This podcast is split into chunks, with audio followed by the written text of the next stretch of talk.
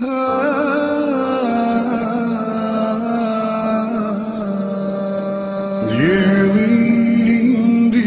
elde adit Orban kat zbrast imbriçoj Në malë lartë trimat janë gjithë Shkollën e lartë. إن الحمد لله تعالى نحمده ونستعينه ونستغفره ونستهديه ونعوذ به من شرور أنفسنا ومن سيئات أعمالنا من يهده الله تعالى فهو المهتد ومن يضلل فأولئك هم الخاسرون رب اشرح لي صدري ويسر لي أمري وأحلى نقطة من لساني يفقه قولي ثم ما بعد Mi smo prošli put govorili o čemu? O staratelju, zadnja je bila tematika, tako o staratelju smo pričali. Došli smo do svjedoka. Završili smo, znači, starate, staratelja u smislu, jeli, ko polaže pravo da bude staratelj, ko ne polaže. Spomenuli smo te kategorije.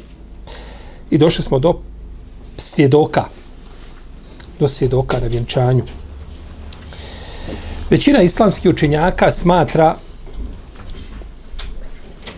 da je ispravnost bračne veze uslovljena prisustvom svjedoka prilikom vjenčanja. Zbog čega? Zbog hadisa u kome je poslanik sallallahu sallam kaže nema braka bez staratelja i dva pravedna svjedoka. Tako bilježi imam Ibn Hibban u svome sahihu i tako bilježi imam Dare Kutni. A hadise u ovome smislu prenose Aisha, Ebu Hureyre, Ibn Mesud, Ibn Omer, Imran Ibn Husayn, Džabir, Ebu Musa Lešari, Hasan al-Basri kao Mursel hadisi i drugi. Imam Šaukani smatra da mnoštvo ovih hadisa pojačavaju jedni druge. Imam Šafija, nakon što je zabilježio Mursel hadis od Hasana al-Basrija, kaže ovaj hadis, iako ima prekinut lanac prenosilaća, većina islamskih učenjaka postupa shodno njegovom značenju i smatraju da se na osnovu prisustva svjedoka razlikuje ispravna bračna veza od nemorala. Pouslovljavaju, znači da prilikom zaključenja bračnog ugovora budu šta? Dva pravedna svjedoka. Ibn Abbas kaže, nema braka bez staratelja i dva pravedna svjedoka. A imam Ibn Abdelber kaže, ne znam da iko kazao suprotno Ibn Abbasu.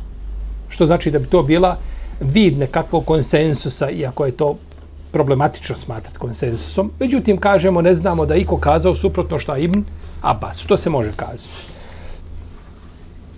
I kaže, imam tirmizi da većina islamskih učenjaka od vremena poslanika, sa osaname do naših dana, postupa sodno šta ovom hadisu, sodno njegovom, sodno njegovom značenju i kažu, nema braka osim uz prisustvo svjedoka i kaže ni se posebno razilazili u vezi s tim do poznijeg vremena.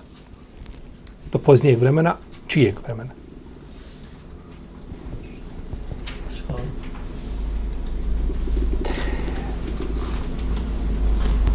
Dobro, ja znam da je posle jacije naporno, da čovjek se istroši po danu i onda posle jacije, to je samo vrijeme za kahvu, za onako malo suhog mesa ako ima nešto, tako manje pitanja i odgovora. Imam Tirmizi to kaže. Mi spominjemo riječi mama Tirmizi. On kaže, nisu se razilazili do poznijeg vremena, do njegovog vremena. Znači, da kažemo, imam Tirmizi umro u drugoj polovini a, trećeg hiđarskog stoljeća i ovaj 275. je umro ili tu negdje i znači da kažemo 200. te godine ha, to je neko poznije vrijeme, ali tako? A nije poznije vrijeme, ali tako da mislimo na učenjake koji su došli u 6., 7. i 8. hiđarskom stoljeću, zato što govori ko imam, imam tirmizi koji od imama, jel tako, hadisa. Međutim, imamo mi Zuhrija, imama Zuhrija, i Malika, i Lejsa, ibn Sada, i imama Ahmeda po jednoj verziji, i mnoge učenjake hadijske škole i zahirijske učenjake koji smatraju da nije obavezno pristo svjedoka nije obavezno šta prisustvo sedoka.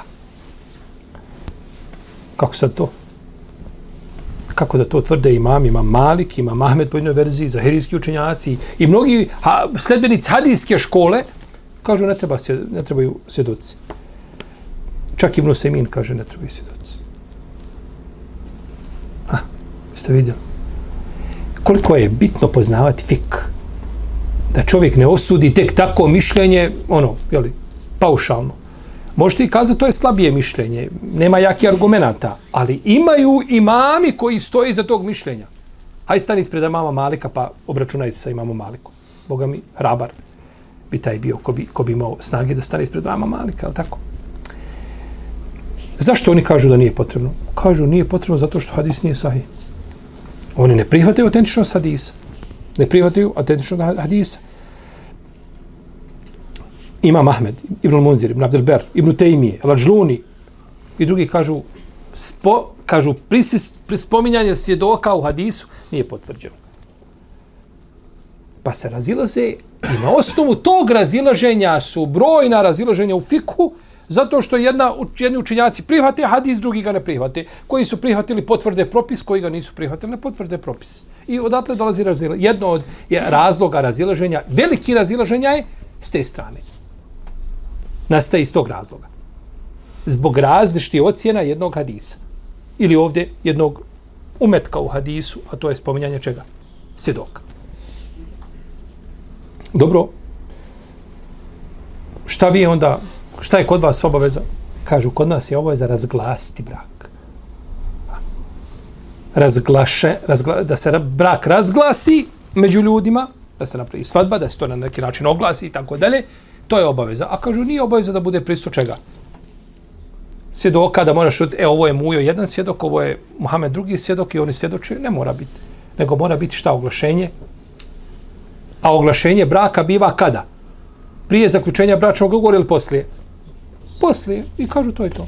Smisao je jedan. Samo da li sad usloviti jedno ili drugo? Da li usloviti jedno ili drugo, ali preče je da, budu, da bude pristo svjedoka. Oni ne uslovljavaju svjedoke, ali ne kažu da je to neispravno. Jel red? Tako da je ovaj preče, znači svakako da svjedoci budu na vjenčanju. Preče. I nije dozvoljeno ono što smo, ne znam da smo o tome pričali, ovaj, čovjek dođe i on sebi, ovaj, on sebi ovaj, uh, izmisli jedan novi mezheb. Kažu, kod Hanefija ne treba staratelj. Kod Malikija ne treba, ne trebaju svjedoci. Niko Zuhrija, niko Lejsa ibn Sada, niko Ibn Sajmina fakat. A kod većine učenjaka ne treba oglašenje braka. Uzmeš mladu iz kuće, u auto pokupiš i to je to. Ništa ti ne treba. Ne mora znati niko. To nije kazao na zemlji niko živ. Takav se nije rodio. Ko je to rekao da tako brak može? oni koji su uh, ovaj uh, rekli da može bez staratelja, oni su slovili šta? Svjedoke. Oni su rekli da može bez svjedoka, oni su slovili oglašenje. Nije niko dozvolio to što si ti smontirao jedan novi mezeb. I izišao sa njim. To je haram, to je zabranjeno. To je zabranjeno. Može li nemusliman biti svjedok prilikom zaključenja bračnog ugovora? Ti imaš komšiju, Martina, fino se obhodi prema tebi, lijep čovjek, uljudan, kao komšija, ovaj, ispunjava svoje obaveze prema tebi. I ti se ženiš. I on kaže, komša, nemoj nikako nego da ti budem svjedok. Na tom vašem vjenčanju, kada bude to, ja bi da budem svjedok. Nema razilaženja među činjacima hanefijske, malikijske, šafijske, zaherijske pravne škole, da svjedoci moraju biti muslimani. Ako je riječ o mladencima muslimani. Znači, Muhammed ženi Fatimu. Ne može biti starate, ne može biti svjedok nego ko? Musliman. Ne može biti svjedok nego musliman. I čak se u vezi tim imam El Kasani, El Hanefi i, i šejh Abdul Karim Zaidan navode konsensus učenjaka. Da mora biti šta? Svjedok musliman. Dobro. Ženi Muhammed Martinu Kitabiku ne ženi muslimanku. Može li biti staratelj tada jedan ili dva, mogu li biti ovaj odehrul kitaba? Tu je razilaženje. Zato što ima jedna strana, šta? Jedna ugovorna je strana, šta? Ne musliman. A to je žena kitabika. U tom slučaju hanefijski učenjaci, rahimahumullahu ta'ala, dozvoljavaju a, da svjedoci budu kitabije. Dok Mohamed ibn Hasan, Šebani i Zufar, učenice Buhanife, ne dozvoljavaju kao ima Mahmed i Šafija. I to je ispravnije mišljenje. Zato što je musliman ko? Radoženja. Pa treba, znači, a njemu je dozvoljeno da ženi, a poslanik sa osam kaže šta? Trebaju dva pravedna svjedoka. Dobro, može li veliki griješnik biti svjedok na, star, na ovaj, može li on biti svjedok na vjenčanju? Veliki griješnik. Čovjek čini velike grije. A koji ih ne čini? Tako. Koliko bi danas moglo u jednom društvu naći ljudi da ne ogovaraju druge? A ogovaranje od velike grije.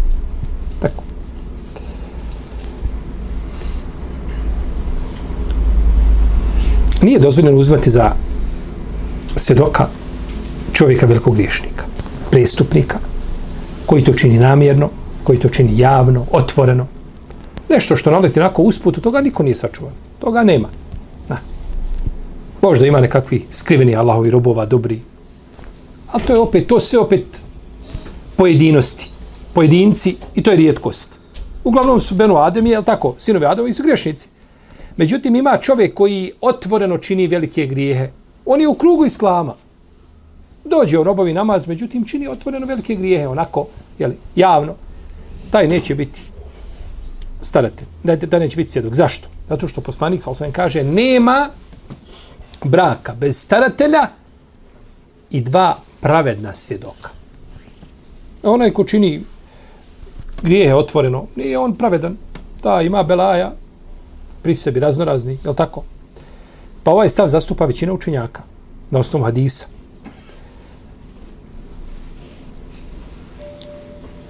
Ima kod Hanefija mišljenje da može, da mogu biti. I to je jedan, jedno, jedan rivajet od imama Ahmeda. Jedno mišljenje koje se prenosi od imama Ahmeda, da mogu biti šta? Veliki griješnici, svjedoci prilikom vjenčanja. Samo da stanemo kratko. Kad smo govorili za staratelja, kad smo kazali za velikog griješnika staratelja, šta smo kazali? Može li biti staratelj ne može? Može. Vi se stidite ili ste uplašeni ove politička ova zbivanja vas dotukla, šta je? Može, ne može? Može. Kazali smo da može. Staratelj može, a svjedoci ne Ko je bitniji, staratelj ili svjedoci? Staratelj. Kako staratelj može, a svjedoci ne mogu? Pitanje je jedno za, do, do, za analizu, za traženje, po knjigama malo se čovjek zabavi da vrti i tako dalje. Molim? Znači izbor za svjedoka. Vidite. Staratelj, to pravo starateljstva. Je mu to dao šarijat? Babi. Je dao pravo starateljstva? Jer ga obavezao time? Jeste. Obavezao ga. A je li tebi šarijat dao pravo starateljstva? E, da budeš svjedok? Je li te obavezao? To je otvoreno, može biti bilo ko. Neće jedan daje drugi, nema drugi daje treći, i sve isto, nije, nema problema nikakvi.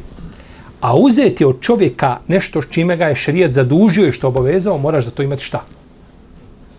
Nepobitan dokaz.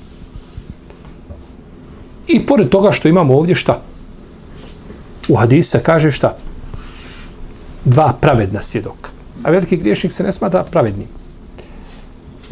Tako da je ovaj a, starateljstvo je pravo koje je šerijat dodijelio ocu, djedu, bratu, nije bitno amiđi, kome već ko bude, ko je po redu, a ovo svjedočenje na nije dodijeljeno. To se odabere. Može li mlada kazati, ja neću da me uda babo, a babo čovjek, mu'min, musliman, vjernik, neću da mu uda babo, ja hojdem uda brat. Neću da babo i kako zna. Ima li pravo? Nema pravo. A ima li pravo da se zaobiđe neko od, od, od ljudi da bude sedok? Ima. Odabereš ti po svojoj volji. E, tu je razlika. A možda ovaj pitanje zaslužuje posebno istraživanje s te strane. Vjerujem da bi našlo se nešto kod učenjaka da spomenuli i druge razloge. Dobro, može li biti svjedok pri vjenčanju jedan muškarac i dvije žene? Može. Može kod Hanefija. kod hanefijskih učenjaka može da se zaključi bračni ugovor i jedan muškarac i dvije žene. Kod Ibnu Hazma mogu četiri žene, mjesto dva muškarca. Dok kod većine učenjaka ne može. Većina učenjaka kažu ne može osim dva muškarca. Tako kaže Ibn Musejib i Hasan al-Basri, Ibrahim Nehaje, Uzaji, Malikijska, Šafijska i Hembelijska pravna škola. Kažu šta? Moraju biti dva, dva muškarca. Kod Anefija i kod Šabija po jednom po, i kod imama Ahmeda po jednom rivajetu može biti ko? Muškarac i dvije, mogu biti muškarac i dvije žene. Što se tiče gluhe osobe na vjenčanju, ona može biti svjedok, ali mora se naći način da ona to razumije, da bude u pismenoj formi ili na nek drugi način da razumije šta o čemu se radi i da posvjedoči. To nije problematično. Može li brat biti svjedok na vjenčanju svoje su, su, sestre? Sestra kaže, neću da mi svjedoči nego brat. Nije problematično da brat svjedoči svojoj sestri pri vjenčanju ili svome bratu. Nije problematično. Kaže, imam termiziji, ne razilaze se učenjaci da je dozvoljeno čovjeku da svjedoči svome bratu. A kako bratu, tako i šta? E, I sestri, isti propis. Imam Ibn Muzir kaže, složi su učenjaci da je dozvoljeno čovjeku da svjedoči svome bratu. A Ibn Kajim ovo pripisuje većinu učenjaka. Znači, možeš biti svjedok, tvoj se brat biološki ženi, ti možeš biti jedan od svjedoka, nije problematično. Kaže Imam El Kjasani, kada bi čovjek udao svoju kćerku i tom prilikom posvjedočila njegova dva sina, to jeste braća mlade, kaže, svjedočenje bi bez sumnje bilo ispravno. Znači, nije ni to problematično. Međutim, da svjedoči sin ili otac mlade, ha, tu, tu se razilaze učinjaci. Jer to je bliže, otac i sin su bliži od koga? Od brata, tako? Otac i sin, to su uzlazna i silazna loza. Oni su bliži od čega? Od, od havaši, od rodbine. Oni su bliži od njih.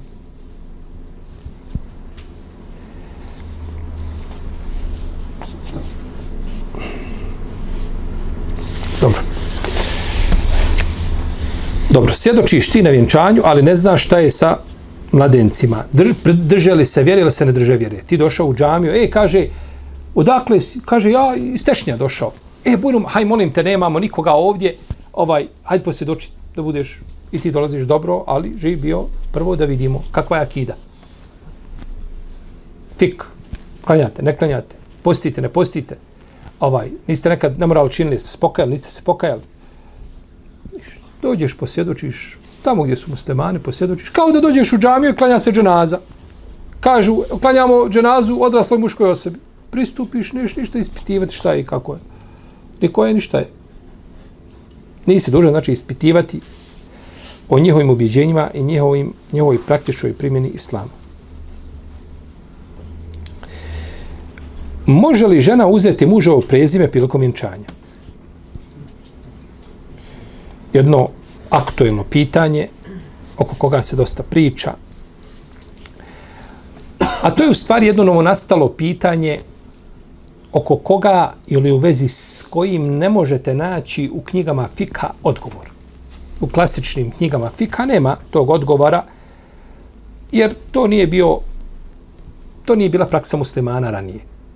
To je kasnije, znači, muslimani su to prihvatili od drugih objeručke, a u, muslimana, u muslimanskim zemljama gdje se sudi, znači, po islamskom vjerozakoniku u oblasti građanskog prava, ne može, ta opcija ne postoji. Ne može žena uzeti muževo prezime. To, to je nemoguće. To je šta? Nemoguće. Jer ne postoji tako nešto. Uzvišen Allah kaže, zovite ih po očevima njihovim. To je kod Allaha ispravnije. Ovaj ajet je objavljen povodom štićenika i posljednika poslanika sa osaname, Zaidom ibn Harisom, koga oni su ga zvali, a da je sin Muhammedov, pa je objavljen ovaj ajet. Zovite ga šta? Zovite i po očima njihovim. Nemojte ga pripisivati šta? Onome čiji nije. Nemojte ga pripisivati nekome, a taj mu nije biološki otac.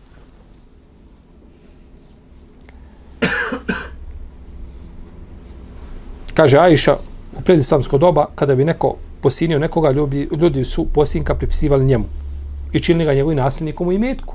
Pa je uzvišen Allah objavio ovaj ajet.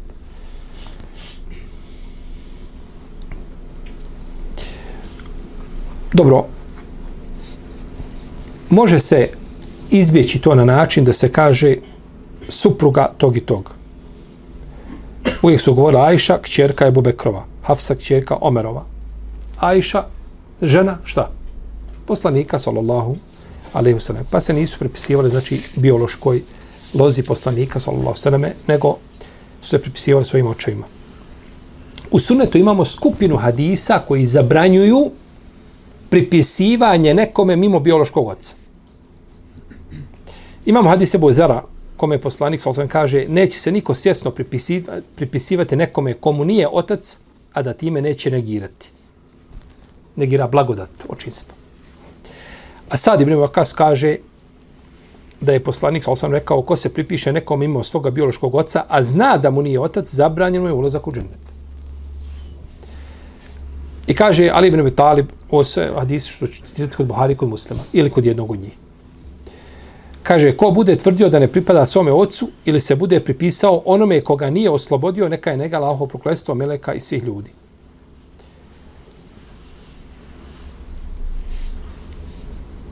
I u jednom hadisu kaže, jedno od najvećih laži je da se neko vezuje za onoga komu nije otac. I kaže poslanik, sa sam kod Buhari, kod muslima, hadise Buhurire, ne odrećite se vaši očeva, ko se odrekne svoga oca, on je negirao. I ovi su hadisi za, za, zabilježeni u najvrstonim, znači hadijskim zbirkama. I nema razilaženja među učenjacima da je zabranjeno da se haram pripisati nekome šta mimo, mimo biološkog oca. Mimo biološkog oca. Dobro, šta ćemo sa ženom? Kažemo, žena šta? Tog i tog žena tog i tog, kako uzvišen Allah kaže, Allah navodi pouku onima koji ne vjeruju ženu Nuhovu i ženu Lutovu. A, a u kontekstu Ibrahima, ali se nam kaže i pojavi se žena njegova. Kažu danas, lakše je kada žena uzme prezime, ovaj, rješavati tu taj administrativni, administrativni taj dio, je tako?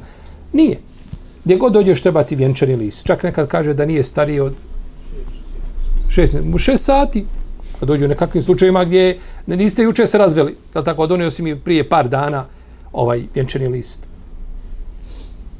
Jel, to, to ima kod nas, je tako, to sa, na sat. Ja sam jedan dobio uputnicu koja je vrijedila sat.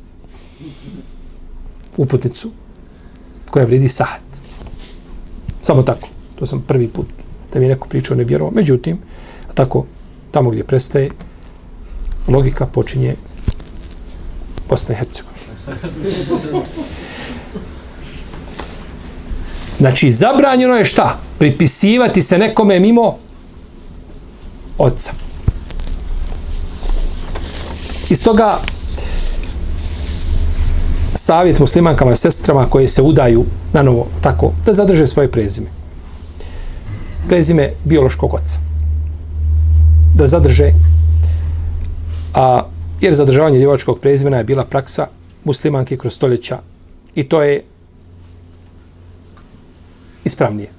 Kad bi dodala muževo prezime u svoje, to je nešto blaže, ali je najpreče i najbolje da ostane na svome prezimenu djevojačku. Međutim, čovjek kada odebere jedno mišljenje ne smije nastupati da je to istina koju Allah spustio s neba i nema druge mimo nje. To nije ispravno. Imaš pravo da smatraš i da odabereš određeno mišljenje, ali ne da obavezuješ nekoga njime nužno i da smatraš da je sve mimo toga batil i da je neispravno. Jer ponekad neki kažu u redu, žena kad se uda, Da li u njenom vjenčanom listu piše djevojačko prezime? Piše ili ne piše? Piše. Znaćete, ovi što ne znaju, sad što ne znaju odgovor, znaćete. Piše, znači, njeno djevojačko prezime. Je se odrekla onda babe? Nije, kaže, to stoji. To jeste, ona, ona se je pripisala. Ali se nije odrekla da stoji njeno porijeklo šta? Znači da je ona, i to kažu ne bavi, to, to, to ne, ne, ne dovodi do zabune.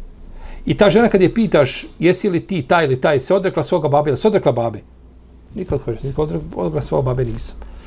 Pa kažu, to je više nešto administrativno, simbolično nego što je stvarno. Ima svoje mjesto. Ta tvrdnja ima svoje mjesto. Ha. Tako da, ovaj, preče i bolje raditi ono što su muslimani raditi kroz stoljeće. Što je bio običaj muslimana, nego činiti nešto što im je nametnuto i što je predmet dobar za polemiku i dijalog. To je preče i bolje.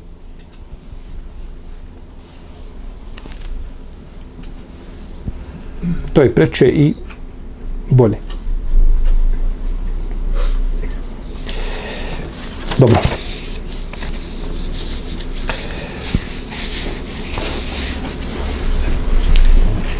Da li je obaveza razglasiti zaključenje bračne veze? Da li je dužno da se razglasi zaključenje bračnog ugovora ili bračne veze?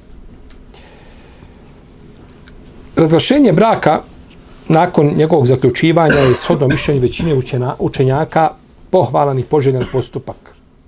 Dok neki učenjaci kažu da je to vađib. Koji kažu da je vađib? Zuhri, Lejs ibn Sad, Malik, Imam Ahmed po jednoj verziji, kazali da to mišlja odabro ibn Usaymin. Svi oni koji kažu da svjedočenje nije šta? Vađib, da pristo svjedoka nije vađib, oni kažu da je razglašavanje braka obaveza. Jer mora biti jedno ili drugo. Nema ništa tajno. Mohamed ibn Khatib al-đumehi prenosi da je poslanik s.a.v. rekao granica između halala i harama su def na svadbi. Def si glas na svadbi, da žena udare na svadbi i da se čuje šta? Čuje glas, znači da se vesele, hoće se da se napravi svadba, da se to oglasi. Da se to oglasi. I koliko je danas ti tajni brak, on se ženio, ali da ne zna ni prva žena. Da ne zna ni babo nje, njegov, ni nje, ni niko. Što se ženiš ako se ne smije ženiti? Što se, odlu, što se odlučio na taj korak kada ne smiješ? Kada nisi spreman za toga? Brak je nešto što je javno, transparentno i zna se da se oženio i živiš nakon toga život sa svojom suprugom. A ništa tajno nešto sklopi i rasklopi, a oženiš se i razvedeš, niko ne zna. Ni da si bio oženjen, da si ovaj. To je neispravno. Granica između halala i harama je da se udari u def. I Ajša kaže da je poslanik, sal sam rekao, kaže, razglasite brak u džamijama i udarite u def tom, tom prilikom hadisima koji je slab. Taj hadis je slab. Ali je prethodni hadis od Hatiba, šta? Od Ibn Hatiba je ispravan da se udari u defi, da se čuje glas. Kada će se bračna veza smatrati oglašenom? Ako se na svadbi iskupi manji ili veći broj ljudi, lijepo je da žene tom prilikom udare u def i to će biti oglašenje. Kaže Rubeja bin Muawiz, ujutro posle prve bračne noći kod mene ušao vjerovjesnik sa Losarame i sjeo na moj dušek. Kao što ti sada sjediš. A djevojčice su udarale u def i pjevale pjesme u kojima su veličale svoje očeve koji su poginuli na dan bedra. Pa jedna od njih kazala među nama je vjerovjesnik koji zna šta će se dogoditi sutra. Zna gajba. Pa je rekao poslanik, sa osam kaže, ne govori tako, kaže, nego govori ono što si malo čas govorila. Nemoj tako prišti, nego ovo što si malo čas pjevala, man se toga. Pogledajte poslanika, sa osam njegovog odnosa prema jednoj djevojčici koja je tu bila. Ne zna. Da je to neko rekao da sahaba, ne bi to nikad ponovio više. Tako, dobio lekciju. Pa nisu svi ljudi na istoj šta? Deređi, kada se poziva na dobro i veća od zla. Kaže, nemoj to, kaže, što zgovorila, govorila, kaže, ne govori to, kaže, ne, govori, kaže, ono što se malo čas recitovala. Pa kada je riječ udaranju def, to vrijedi po ispravnijem mišljenju za žene. Ima razilaženje. Po pitanju defa za muškarce postoji razilaženje kod, kod naših fakiha. Da li muškarci mogu udariti u def ili ne mogu. Ispravnije mišljenje da, da, da muškarci ne udaraju def. Šehol Islam kaže što se tiče pjevanja muškaraca, što se tiče pjevanja muškaraca, ništa nam o tome nije prenešeno od sahaba. Pjesma i def dozvoljeni su samo ženama na svadbenim i drugim gozbama.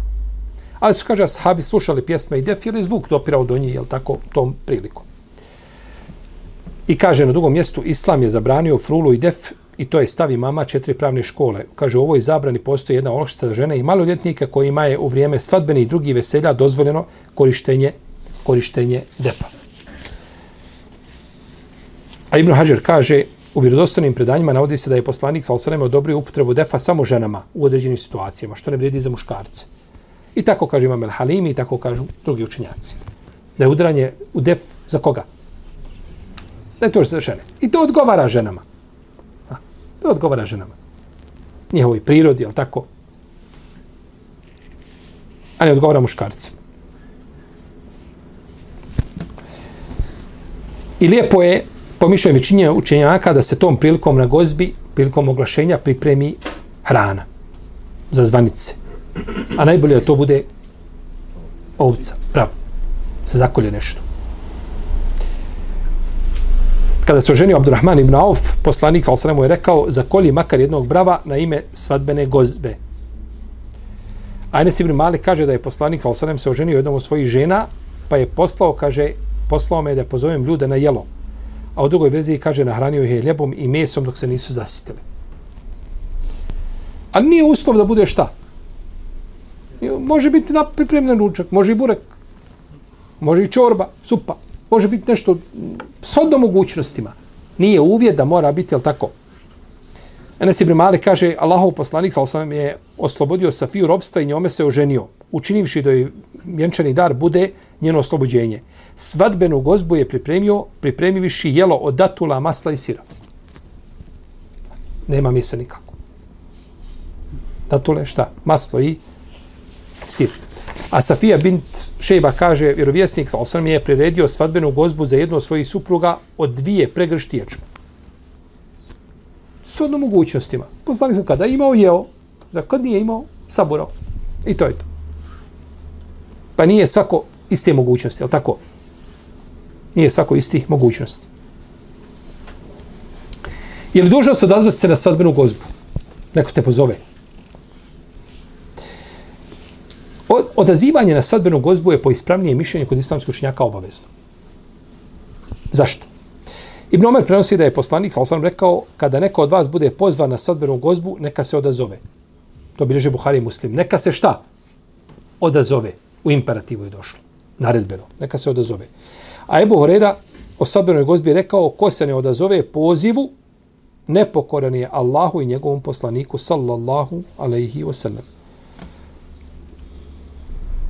kod Buhari kod muslima. Hoće li ovaj ovo Buharira kazati od sebe? Nepokoreni. Imao jedno iz predaje pripisuje da je ovo čak rekao poslanik sa Ali je Buharira kad kaže nepokoreni Allahu i poslaniku to nije od njega. Čuo je to sigurno od poslanika sallallahu alaihi wa sallam.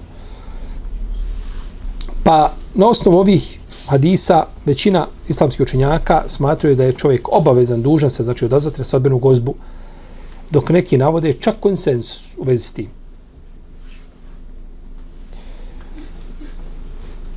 Međutim, postoje razilaženje kasnije. Ako je uspostavljen konsensus sa zaista, kako tvrde neki učenjaci, onda je završena priča. Ali postoje razilaženja, jer mnogi hanefijski, neki šafijski učenjaci, Ibn Taymije smatraju da je pohvalno, a nije obavezno da se čovjek odazove na tu gozbu. Neki kažu da je to obaveza kolegijalnog karaktera kolektivna obaveza. Ako se odazove dovoljan broj, spada obaveza šta? Sa ostali. I ovo vrijedi samo za svadbenu gozbu. Čovjek obrezuje djecu, primjer radi. Ili ima kika, ili nešto drugo, pa te pozove, nisi dužan da se odazoveš. Ta obaveza je vezana samo za što? Za svadbu. Za svadbu a drugo je nisi dužan. A, jer ako se ne odazoveš na svadbu, a možeš i nemaš opravdanog razloga da se ne odazoveš, našto ako je rodbina, onda je obaveza još veća, ovaj, tu bi čovjek bio griješan. A za druge pozive nisi dužan šta? Odazvati se. Dobro, ali on tebe pozvao na svadbu, a ti znaš da će tu biti griješenja. Da će biti šerijetskih prekršaja. Tako. Jer je došla, je tako, orkestar je došao kamionom. Nikako kombi nisu mogli stati. Nego kamion, razglas. orkestar, vidiš tamo i alkohol da se vadi, bit će jedan poseban tamo odio, ne, ne fakat za sviju, ali ovako u jednom uglu tamo ko želi, jel tako, bit će jedan poseban.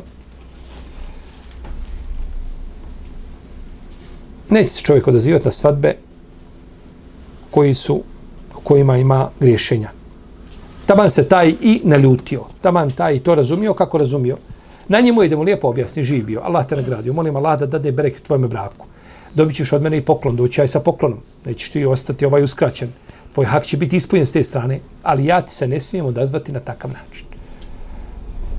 Ja tražim od tebe halala, izvinjavam se. Ha, iako nisi dužan to ništa da kažeš, ali, ali i radi ti odnosa nekakvi, međutim, nećeš se odazvati. Nećeš se odazvati na nešto što je munker, na nešto što je zlo, očito vidno. Na. Bez obzira kako bilo, ali ne znači da čovjek treba, treba nekoga odvratiti, jel tako? Ja sam otišao jednom mome poznaniku dobrom. On je tako napravio sodbu. Ja sam došao s vrata, došao sam na, to je jedan bazen bio, oko bazena je to bilo, tako sve, slavlje. Ja sam došao, moje je da mu donesem poklon, je tako? Da mu čestitam, kaže, Allah te poživio, ja sad moram ići. Ja ti ne mogu ući ovdje iz tog i tog grada. I kaže mu zašto neću ući. Nisam upakovao. Da kažem, slušaj, živi bio ovaj, vidi ovaj ja, evo, termin nekakav, ljudi, ovaj, ne pitate na prvi termin u tvoje ime. Nego kažem ti otvoreno, neću zbog toga i toga. Da zna. Da zna da je učinio prekršaj. Nije se naljutio. Ostali smo dobri. I dan danas se. Neko razumije, neko neće razumijeti. To je ovaj od osobe do osobe, međutim, nema pokornosti robu u nepokornosti stvoritelju. Kada se priprema hrana za za vjenčanu gozbu? Kada se priprema hrana. Kada riječ o pripremanju hrane na vjenčanoj gozbi, islamski učinjaci u vezi s tim imaju različita mišljenja. Nisu istog mišljenja. Jedni kažu da se hrana priprema pri zaključenju bračnog ugovora. Onaj ko želi da napravi ručak, kaže odmah kad se zaključi ugovor, tu se to. Drugi kažu da se hrana priprema nakon zaključenja ugovora.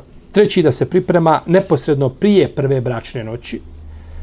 Četvrti da se priprema nakon prve bračne noći. Peti da je vrijeme pripreme jeli, te sadbene hrane da može biti od zaključivanja ugovora do iza prve bračne noći. Različita mišljenja. Ko će presuditi? Sunnet. Imamo li u sunnetu kada je to? Ako nemamo, onda bi to bilo zaista a, vrijeme po izboru. Ali mi u sunnetu imamo dokaz kada je. Enes ibn Malik kaže, poslao me je poslanik, ovo ovaj je hadis kod Buharije, kaže, poslao me je poslanik, sallallahu alaihi sallam, da pozovem ljude na hranu poslije prve bračne noći s jednom od njegovih žena. Kada je pripremio hranu? Poslije prve bračne noći. U drugom hadisu Enes kaže, i hadis je opet kod Buharije, Tog jutra je vjerovjesnik sa osrme ostanuo kao mladoženja. Sa Zeynep bint Đahš. Pozvao je ljude na gozbu. Jeli su potom se razišli. Tog jutra je osvanuo šta? Kao mladoženja. Pa su jeli kada? Posle prve braši noći. Imam Ibn Hajar kaže, hadis, hadis koga prenosi Enes, jasno ukazuje da je sodbena hrana da se priprema posle prve bračne noći. I tako kažu šehol islam, Ibn Taymiye, kaže imame subki isto, šerbini, svi kažu shodno hadisima, šta? Priprema se svadbena gozba, hrana, nakon prve bračne noći. Međutim, nije to precizirano da mora biti tada. Da, da čovjek napravi prije prve bračne noći, što je običaj, tako kod ljudi. Dan u oči prve bračne noći, Jel tako? Ili tako nešto u tom vremenu se pravi? Nije problematično. Jer poslanik sam nije obavezao, on je tad uradio. Kada bi čovjek tako postupio, bilo preče i bolje. Bliže sunnetu. Međutim, u bilo koje vrijeme kada bi, jer nije precizirano šta vremenski kada mora biti. Ako u jednom društvu poznato da je to prije prve bračne noći, i ako napraviš posle prve bračne noći da će biti predmet, jel tako, priče i smijavanja i ogovaranja i tako dalje, onda ne smeta da čovjek napravi u tom vremenu, jer nije to šarijet precizirao. Tamo gdje je šarijet postavio jasno, a, precizirao, to je završeno. A tamo gdje je otvoreno, znači nije poslanik naredio da mora biti šta? On je u to vrijeme napravio, vjerojatno zato što je bio takav običaj da se to činilo u to vrijeme, a ovaj mimo toga da se napravi u drugom vremenu, nije problematično, ispravno bi znači bilo i na takav način bi znači bilo jeli, a, čovjek bi ispunio svoju, da kažemo, jeli, obavezu jeli, prema ljudima prilikom oglašenja bračne veze da u tom, u sklopu tog oglašenja šta? Napravi i napravi ručak. Mislim. To bi bilo nešto u vezi svjedoka i oglašenja bračne veze. Allahu ta'ala nam sallallahu alaihi wa sallam Muhammed wa ala alihi wa sahbihi